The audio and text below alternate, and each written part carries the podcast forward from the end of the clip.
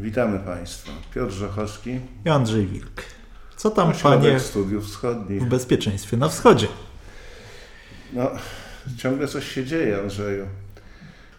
Znowu wrócimy dzisiaj do Ukrainy, no, dlatego że trudno do niej nie wrócić, kiedy sieci społecznościowe, media są przepełnione informacjami o groźbie e, wznowienia konfliktu zbrojnego na Donbasie. Informacje są oczywiście, o tym już mówiliśmy we wcześniejszym odcinku poświęconym Ukrainie, tylko co się zda zdarzyło przez te kilka tygodni. Polityka e, prezydenta Zeleńskiego, która jest już bardzo, bardzo nacechowana e, antyrosyjskością, zdenerwowała Kreml. Asertywne stanowisko Kijowa wobec kontynuowania rozmów e, grupy mińskiej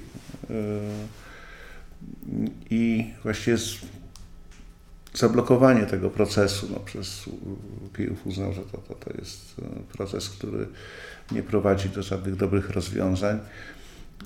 No, zabrał pewne narzędzie nacisku Rosji na Ukrainę. Z drugiej strony wspominane już przez nas wcześniej działania wymierzone przeciwko politykom czy mediom prorosyjskim na Ukrainie również możemy uznać, że, że Kreml to patrzy na to jak na przekroczenie pewnej czerwonej linii przez Kijów. Polityka Kijowa ma rzeczywiście ten bardzo silny ładunek teraz antyrosyjski. Chcę zobaczyć, i tu możemy już zacząć wchodzić trochę w problematykę wewnętrzną Ukrainy, bo no co się, na przykład wspomnę o jednym. Ostatnio pojawił się projekt ustawy, o, która ma karać mam dać możliwość karania kolab, e, kolab, kolaborantów i osób, obywateli Ukrainy, e, których aktywność uznano by za zdradę racji stanu czy zdradę państwa.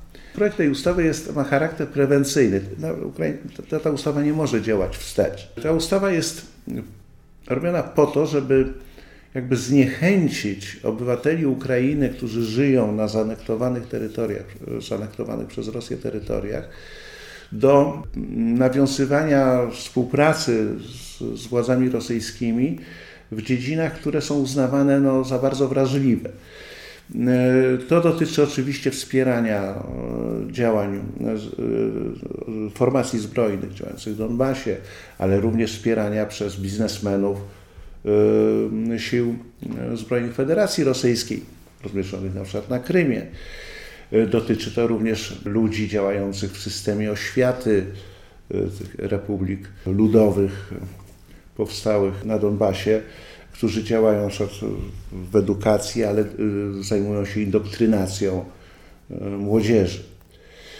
Także ja nie, to, to, to ustawa ma taki mocny charakter, choć to jest ustawa, która wprowadza do szeregu innych ustaw, to nie jest samodzielna ustawa, to jest ustawa uzupełniająca obowiązujące ustawodawstwo ukraińskie, może tam z kodeksem karnym, wprowadzająca kategorię przestępstwa. No zagrożenie tam, jeśli dobrze pamiętam, wymiar kary, no to, to, to może osiągnąć nawet 15 lat więzienia za kolaborację. Tylko powtarzam, no trudno to e, będzie egzekwować, dopóki Ukraina nie, e, nie odzyska kontroli nad e, anektowanymi terytoriami. To jest przykład właśnie tych działań antyrosyjskich, które mają taki silny, silny ładunek antyrosyjski, które bardzo irytują Kreml. I tu będzie pytanie ponowne, no, będziemy pewnie temat sytuacji na linii rozgraniczenia i tego, co się tam może stać, jeżeli, e, jeżeli nam będzie to dane, będziemy do tego wracać e, wielokrotnie. No właściwie to teraz pytanie jest do Andrzeja, bo e, ja ze swojej strony, bo tak oczywiście my nie widzimy silnej eskalacji. To jest wojna informacyjna. Obie strony informują nas, że przeciwnik zbiera siły, grozi wojna, ostatnio pojawił się też wątek, e, oczywiście możliwy e, wątek zaognienia sytuacji na linii rozgraniczenia na Krymie. Także mamy ten, oczywiście tą otoczkę informacyjną, bo tutaj są i zaangażowane rosyjskie służby i ukraińskie służby, które chcą udowodnić złe intencje drugiej strony. Oczywiście nie możemy mówić o skrajnej eskalacji, tak, jakiejś dużej eskalacji sytuacji na linii rozgraniczenia. Liczba ofiar jest dosyć niska, choć większa, kiedy, kiedy obserwowaliśmy sytuację w zeszłym roku, kiedy zawarto ustalono zawieszenie broni. Ja za to liczę ostrzały. To jest może też taka trochę szarlataneria, jak z każdą statystyką, ale y, no w lutym było 180 ostrzałów na linii rozgraniczenia. W porównaniu z sierpniem zeszłego roku, no tam było chyba 40 parę, jeśli dobrze pamiętam. To jest ten obraz, więcej strzelają, tak? I tu jest pytanie do Ciebie, Andrzeju, czy Ty coś y, ze swojej oczywiście branży wojskowej zauważyłeś na przykład w opisie samych, mm, powiedzmy, źródeł rosyjskich, yy, wojskowych, czy, czy doszedł jakiś nowy element niepokojący, jakaś pogłoska, która by świadczyła o tym, że Rosjanie nie tylko straszą. Bo oczywiście, no, my dawno ustaliliśmy, mają te zgromadzone siły i one tam sobie są i czekają na ewentualny rozkaz. Właśnie z chęcią bym, do, jak wspomniałeś, wróciłbym do tej linii frontu zwanej dla niepoznaki dyplomatycznie linią rozgraniczenia. Pierwsze, nad czym się zastanawiam od kilku tygodni właśnie, rozważając o tym, no to jest y, to, że mamy do czynienia w tej chwili z teoretycznie, przynajmniej w przekazie informacyjnym, równymi sparring partnerami. Co więcej, to e, ukraińscy sztabowcy, ukraińscy najwyższe, najwyższe kierownictwo sił zbrojnych e, armii ukraińskiej pierwsze już no właściwie z półtorej miesiąca temu zaczęło podkreślać, przekazywać informacje do własnych mediów, jak to armia ukraińska się przygotowuje, mówiąc w dużym uproszczeniu do rekonkwisty, jak to żołnierze ćwiczą się w walce w terenie zurbanizowanym takie coś no, nie, nie mogło zostać pozostawione obojętnie. Tutaj to się wpisuje dokładnie w to, co mówiłeś, że, że, że Ukraińcy sami weszli na tory takiej, no, że jedziemy już totalnie antyrosyjsko, nie, nie próbujemy w żaden sposób się dogadywać. No i ofiarą tego pada stabilność, przynajmniej w przekazie medialnym w tej chwili, nadal to tak obserwuję głównie, e, pada stabilność na tejże linii rozgraniczenia, jakoś, czy jakiś, jakieś resztki spokoju. Fizycznie nie dzieje się tam nic, co by się już nie działo w ostatnich latach. E, to zaognienie w tej chwili, zwłaszcza w stosunku do lata i jesieni ubiegłego roku, kiedy mieliśmy naprawdę do czynienia ze stosunkowo dużym wyciszeniem, jak na cały okres konfliktu, no jest spore. Natomiast jeżeli chodzi o pozostałe e, momenty tej dziwnej wojny, począwszy od, no, od właściwie już od 2015 roku, no to, to, to jest, jest drobna rzecz. To nie są kilkudniowe walki o marinkę regularne, gdzie się przepychały te formacje e, zmechanizowane wręcz pomiędzy sobą. To się zdarzało już w okresie tego względnego spokoju, po zakończeniu, można powiedzieć, regularnych walk. Czy będzie powrót do tego? No teoretycznie może być w każdej chwili ci żołnierze i z jednej i z drugiej strony są do tego przygotowani. Ja bym zwrócił jeszcze uwagę na jedną rzecz, przynajmniej z naszej perspektywy. Właśnie to, o czym mówiłem, że od kilku tygodni już ewidentnie widać, że, że Ukraińcy są nastawieni, że pokazują, że my będziemy dążyć nawet zbrojnie do odzyskania Donbasu. Jakoś u nas mało kto się tym zainteresował. Albo my nie traktujemy tych Ukraińców może poważnie. Ewentualnie tutaj uważamy, że to jest wszystko normalne no można powiedzieć jest. Nawet poprzemy, pomożemy im odzyskać ten Donbas. Tu nikt się nie przejął. Natomiast w ostatnich tygodniach można powiedzieć, że tak jakby e, Rosjanie podchwycili to i nie pozostają dłużni, e, przekazując czy też suflując informacje, które u nas miejscami, jak zaobserwowałem, wywołują panikę, jak chociażby informacja o podnoszeniu stanów gotowości bojowej i mobilizacji rezerwistów właśnie w tak zwanych Donieckiej i Ługańskiej Republikach Ludowych. Oczywiście, ja nie wykluczam, co, co więcej, każde takie działanie, w, zwłaszcza w rejonie przyfrontowym, jest związane z potencjalnym e, przejściem do bardziej gorącej fazy konfliktu. Natomiast zwróciłbym uwagę, co muszę na jeszcze inną rzecz.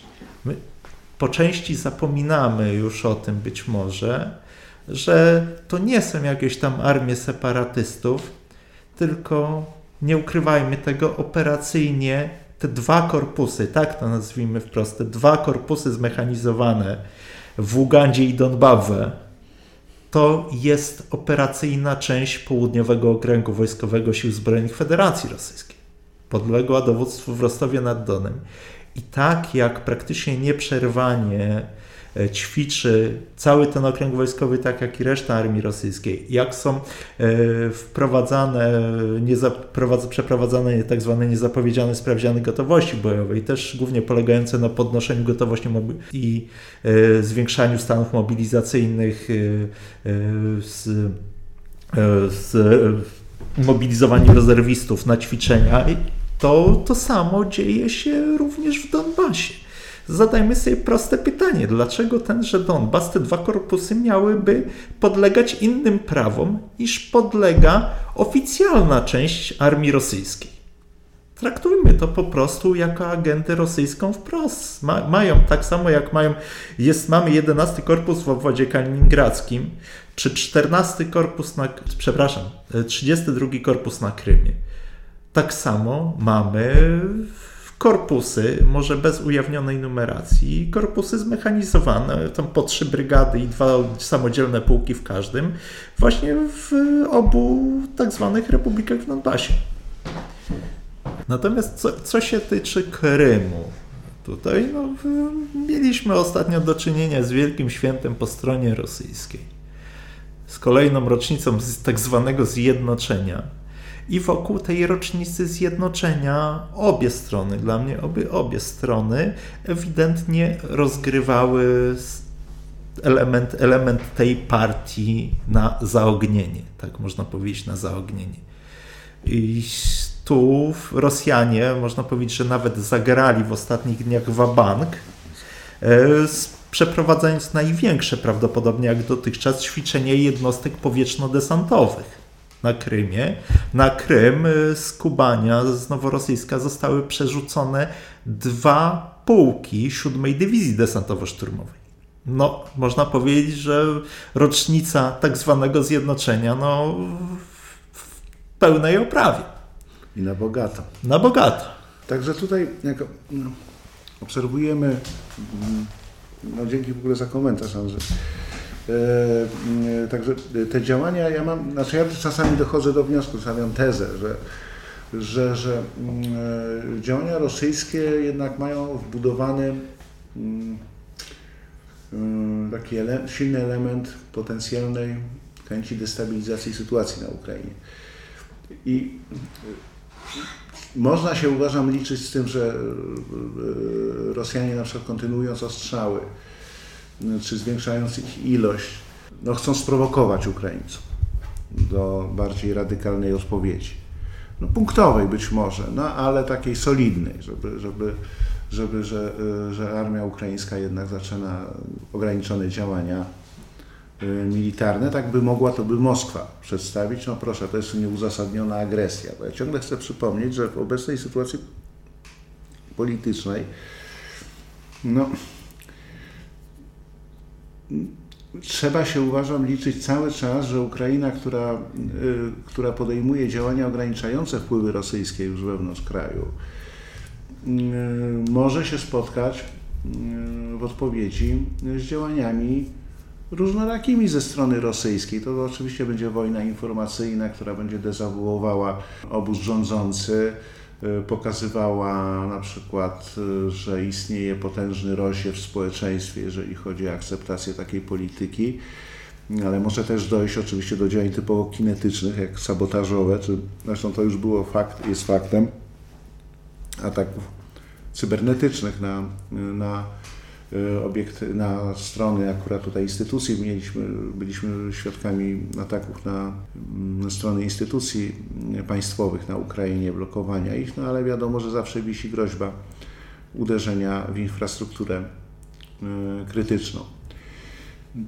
Pamiętać też trzeba o mm, pewnych problemach wewnętrznych na Ukrainie, które mogą mieć wpływ na osłabienie odporności i obronnej, i w szeroko rozumianym bezpieczeństwie o co chodzi? No, no jest okazja pokazać pewne problemy Ukrainy na już dosyć dobrze opisanym przykładzie afery, która się trwa cały czas w Kijowie. O czym mówię? O znanej sprawie Wagnerowców na Białorusi. sprawa jest naprawdę bardzo ciekawa. Ja nie wiem, kiedy ktoś, oczywiście, bo to trzeba mieć dokumenty, mieć dostęp do tajnych dokumentów, ale jest to jedna z ciekawszych historii, która ma wpływ również y, na, na sytuację polityczną w danym państwie, jest powiązana, a jest powiązana z y, działaniem służb wywiadowczych. No przypomnijmy, bo muszę tutaj pewien, pewien, pewną no jednak historię pokazać, choć można to łatwo znaleźć w internecie, to nie są żadne już tajemnice, wiele osób o tym pisało. E, o co chodzi? Przed wyborami, tuż przed wyborami na Białorusi w sierpniu e, zeszłego roku pojawia się grupa kilkudziesięciu tak zwanych Wagnerowców, ludzi, którzy zostali w niejasnych okolicznościach wynajęci y, i skierowani na Białoruś, skąd mieli odlecieć w szeroki świat. No, mówi się o tym, że przez Turcję mieli trafić do Wenezueli. Wtedy prezydent Łukaszenka dostał e, amoku, y, bał się po prostu, że to jest operacja rosyjska, która ma zakłócić przebieg wyborów. E, zaczął wydawać komunikaty, że 300 Wagnerowców błądzi, błądzi po lasach białoruskich, KGB dostało polecenie ich wyłapania i tak. Bo KGB zatrzymało tych, tą grupę e, Wagnerowców w Mińsku, ale, po, ale oni już byli kilka dni tam i, dosyć, i nie ukrywali się, czekali po prostu na wylot z Mińska. Po ich zatrzymaniu przez białoruskie KGB sytuacja zaczyna się robić coraz bardziej dziwna. E, początkowo e, Ukraina występuje o wydanie części zatrzymanych, jako, ponieważ to byli, były to osoby mające kiedyś, powiedzmy, e, obywatelstwo Ukrainy, bądź nadal je posiadający, no ale też posiadający obywatelstwo Rosji. Ponieważ oskarżono część tych ludzi o to, że brali udział w działaniach nielegalnych właśnie na Donbasie. Ale znowu po kilku dniach zaczyna się, robić coraz bardziej ciekawie. W atmosferze narastającego kryzysu wyborczego na Białorusi e, rosyjska komsomolska prawda publikuje jako pierwsza e, materiały mające udowodnić udział służb ukraińskich e, w ściągnięciu Wagnerowców na terytorium Białorusi. Przeanalizowano bardzo szybko i to rozumiem już w porozumieniu z KGB białoruskim, bardzo szybko y, y, dokumenty, bilety, przedmioty, y, które posiadali zatrzymani i wskazywano na to, że na przykład bilety były kupowane gdzieś w Lwowie czy przez podmioty ukraińskie. No i wybucha wielka afera na Ukrainie kilka dni później. Po początkowych zaprzeczeniach dochodzi do dymisji szefa wywiadu E, wojskowego wywiadu Ukrainy, który już zdymisjonowany oskarża otoczenie prezydenta, a przede wszystkim no, szefa biura prezydenta Jermaka o przekazanie albo doprowadzenie do zerwania operacji wywiadowczej, przygotowywanej bardzo długo, jeszcze od czasu prezydentury Poroszenki. O co chodzi? Podobno tuż już przed ostateczną realizacją, e, a według już informacji, od których my nie będziemy ich kwestionować, to jest, ta wersja już jest właściwie tak już trwale ustalona w przestrzeni e, informacyjnej, że, że tutaj trudno ją podważać. E, chodziło o co? Ci Wagnerowcy mieli wsiąść na pokład tego samolotu, ale podczas lotu, i tutaj są różne już wersje, miało dojść do lub fałszywego alarmu bombowego, albo do udawania przez, bo podejrzewano, że jeden z nich jest jednak współpracownikiem służb ukraińskich, przez udawanie przez jednego z pasażerów zawału serca, sprowadzenie samolotu do Kijowa i aresztowanie y, wszystkich przez władze ukraińskie i postawienie ich w stan oskarżenia, y, bo na, złapaliśmy tych, którzy E, dokonywali przestępstw na Donbasie. no wybucha, no wybucha skandal, no jest oskarżenie, podobno w ostatniej chwili podczas narady u prezydenta Załęskiego jego właśnie szef biura, biura, jego szef biura, szef biura prezydenta żąda przerwania tej operacji,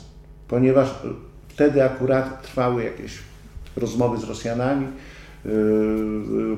w kontekście unormowania sytuacji w Donbasie. Nie chciano eskalować, nie chciano pogarszać jakby atmosfery rozmów i, no i wydaje, prezydent wydaje polecenie, macie przerwać tą operację. No w rezultacie kończy się to tak, że zatrzymani Wagnerowcy na Białorusi zostali oddani przez Łukaszenkę władzom rosyjskim i zapadła po nich w sumie głucha cisza. No i do dzisiaj to jest bardzo bolesny problem dla otoczenia prezydenta Załęskiego, ponieważ całą sprawą zajął się już pod koniec zeszłego roku no Bellingcat, znany portal, który był na przykład również przyczynił się do demaskacji, do zdemaskowania ludzi, którzy trucicieli, nie bójmy się powiedzieć. Ludzi związanych z rosyjskimi służbami specjalnymi realizującymi, realizującymi w Europie e, różne ciekawe zadania, głównie z użyciem trucizn. E, I to jest też bardzo ciekawy, ciekawy wątek, dlatego że materiały, które zbiera Bellingcat, no, ewidentnie będą ujawniały, czy raczej potwierdzały dotychczas obowiązującą wersję o tym, że zdrada przyszła z Kijowa. Trudno mi ocenić. Ja, ja mam czasami wrażenie, że to jest jeszcze bardziej skomplikowana sprawa niż nam się wydaje, tak jakby nawet chcieli przeciwnicy prezydenta Zeleńskiego, czy osobiście jego szefa biura, wskazujący na to, że, że no są, oni otrzymują jakieś potajemne powiązania z Rosją i działają wręcz na rzecz interesów Ros Rosji. Yy, sama operacja według mnie, znaczy ja mam jedną wątpliwość, bo to byłby rzeczywiście majstersztyk, ale czy służby ukraińskie mogły poprzez ponad rok działać na terytorium Rosji w celu zwerbowania, tego fikcyjnego zwerbowania przez postawionych ludzi grupy, grupy, bardzo dużej grupy najemników i nie wpaść w oko FSB. Dlatego, że no, ja zakładam, że jednak te środowiska najemnicze, no one są po pierwsze powiązane ze służbami rosyjskimi, a po drugie no znajdują, one są jak, znajdują się w jakichś relacjach. No, no, no, no naprawdę, tak, no, to dobrze, no dobrze, no poddaję się, nie wiem, ale mam dużą wątpliwość, czy w pewnym momencie FSB nie kontrolowało już tej, tej operacji. Yy, jeśli chodzi o zablokowanie, bo to, jest, yy, bo to jest trochę też mylne, uważam, czasami się odnosi mylne wrażenie, że w otoczeniu prezydenta ktoś wziął za, te, za słuchawkę, zadzwonił do Rosjan i mówi, tu jest specjalna operacja. Nie, nie, ja podkreślam, że tak raczej nie było. To było zablokowanie, czyli macie przestać realizować za wszelką cenę i to doprowadziło do fiaska, bo oni zaczęli się w tym Mińsku prawdopodobnie włóczyć wtedy, czekając i nie wiedzą, co robić dalej. Yy, I tutaj no, można się zastanowić, dlaczego yy, nie było jakiegoś awaryjnego planu B w tej operacji, żeby na przykład rozproszyć tych ludzi, żeby, żeby to nie przyniosło szkody Ukrainie, yy, że, że to, że, że i wykryciu, no, i wykryciu tej operacji ukraińskiej. Co ta sprawa nam ujawnia? Duży problem w zarządzaniu służbami specjalnymi na Ukrainie. Bo jeżeli wierzyć zdymisjonowanemu szefowi wywiadu, no to on nie komunikował się, czy nie informowano jakby najwyższych władz Ukrainy o bardzo skomplikowanej i mogącej zagrozić interesom też Ukrainy operacji kierownictwa państwa. Tak? To, y, czyli to, to było realizowane w tajemnicy na podstawie decyzji poprzedniego prezydenta. No bo z tych relacji wynika, że e, to dopiero na jakimś końcowym etapie Załęski i jego otoczenie zostaje poinformowane o tym, że to się toczy i się kończy. Także tutaj jest dużo znaków zapytania, ale no, powtarzam, no to, to, to świadczy o tym, że w relacjach służby, władze państwowe no są pewne zakłócenia komunikacyjne, delikatnie mówiąc. Nie będę dalej rozwijał swoich spekulacji, bo tu już wpadniemy w scenariusz książki sensacyjnej, ale Trzeba również o tym pamiętać, że takim głównym problemem, który ciągle wpływa na ocenę negatywną działań władz Ukrainy, jest historia związana z reformami, z reformą jej głównej służby specjalnej, czyli Służby Bezpieczeństwa Ukrainy.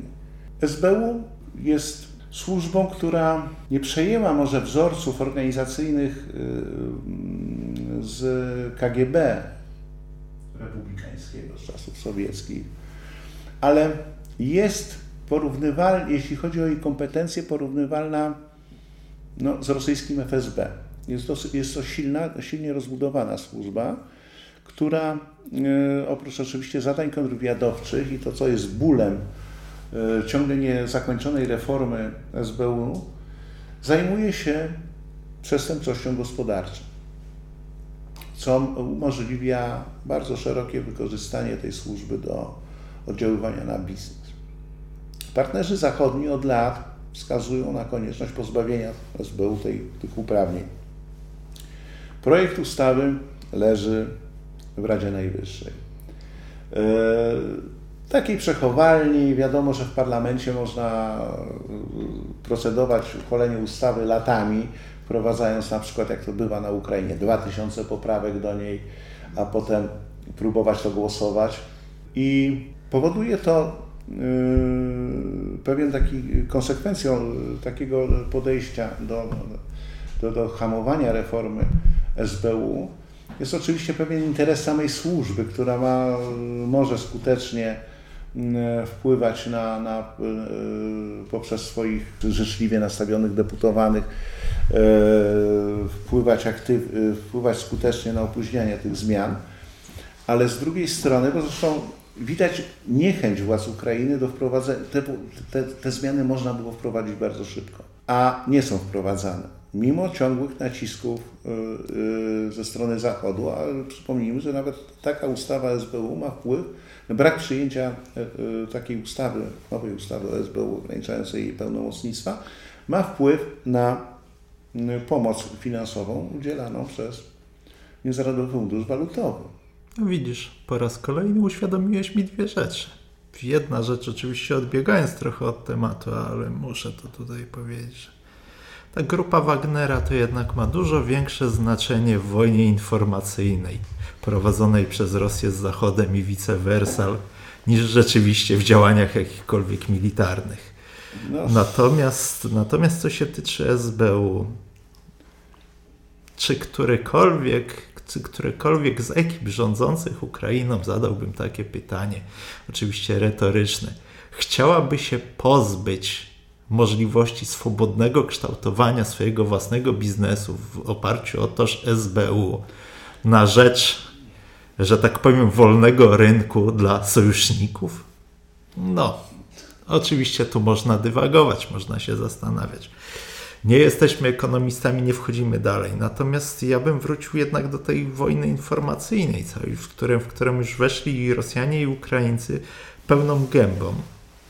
I do tego, o czym czym, w czym właściwie SBU na Ukrainie podejrzewam, to ono jest nie tyle głównym organizatorem biznesu, ale też głównym, potwierdzisz mi to pewnie, głównym organizatorem tejże wojny informacyjnej. Jaki tam jest wpływ władz, na pewno jest jakiś, ale ktoś to musi fizycznie robić.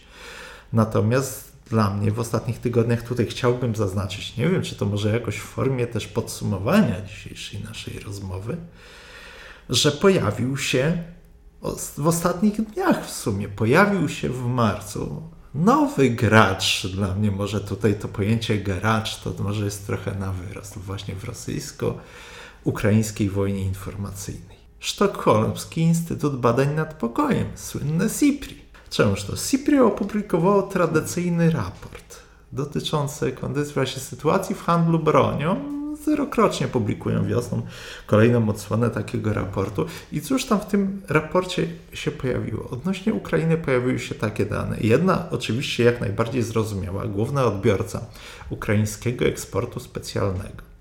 Chiny. No jak najbardziej zrozumiałe. Ale na drugim miejscu z udziałem 20% wskazano Rosję Jak to zaraz się oburzyły tuzy z ukraińskiej zbrojeniówki?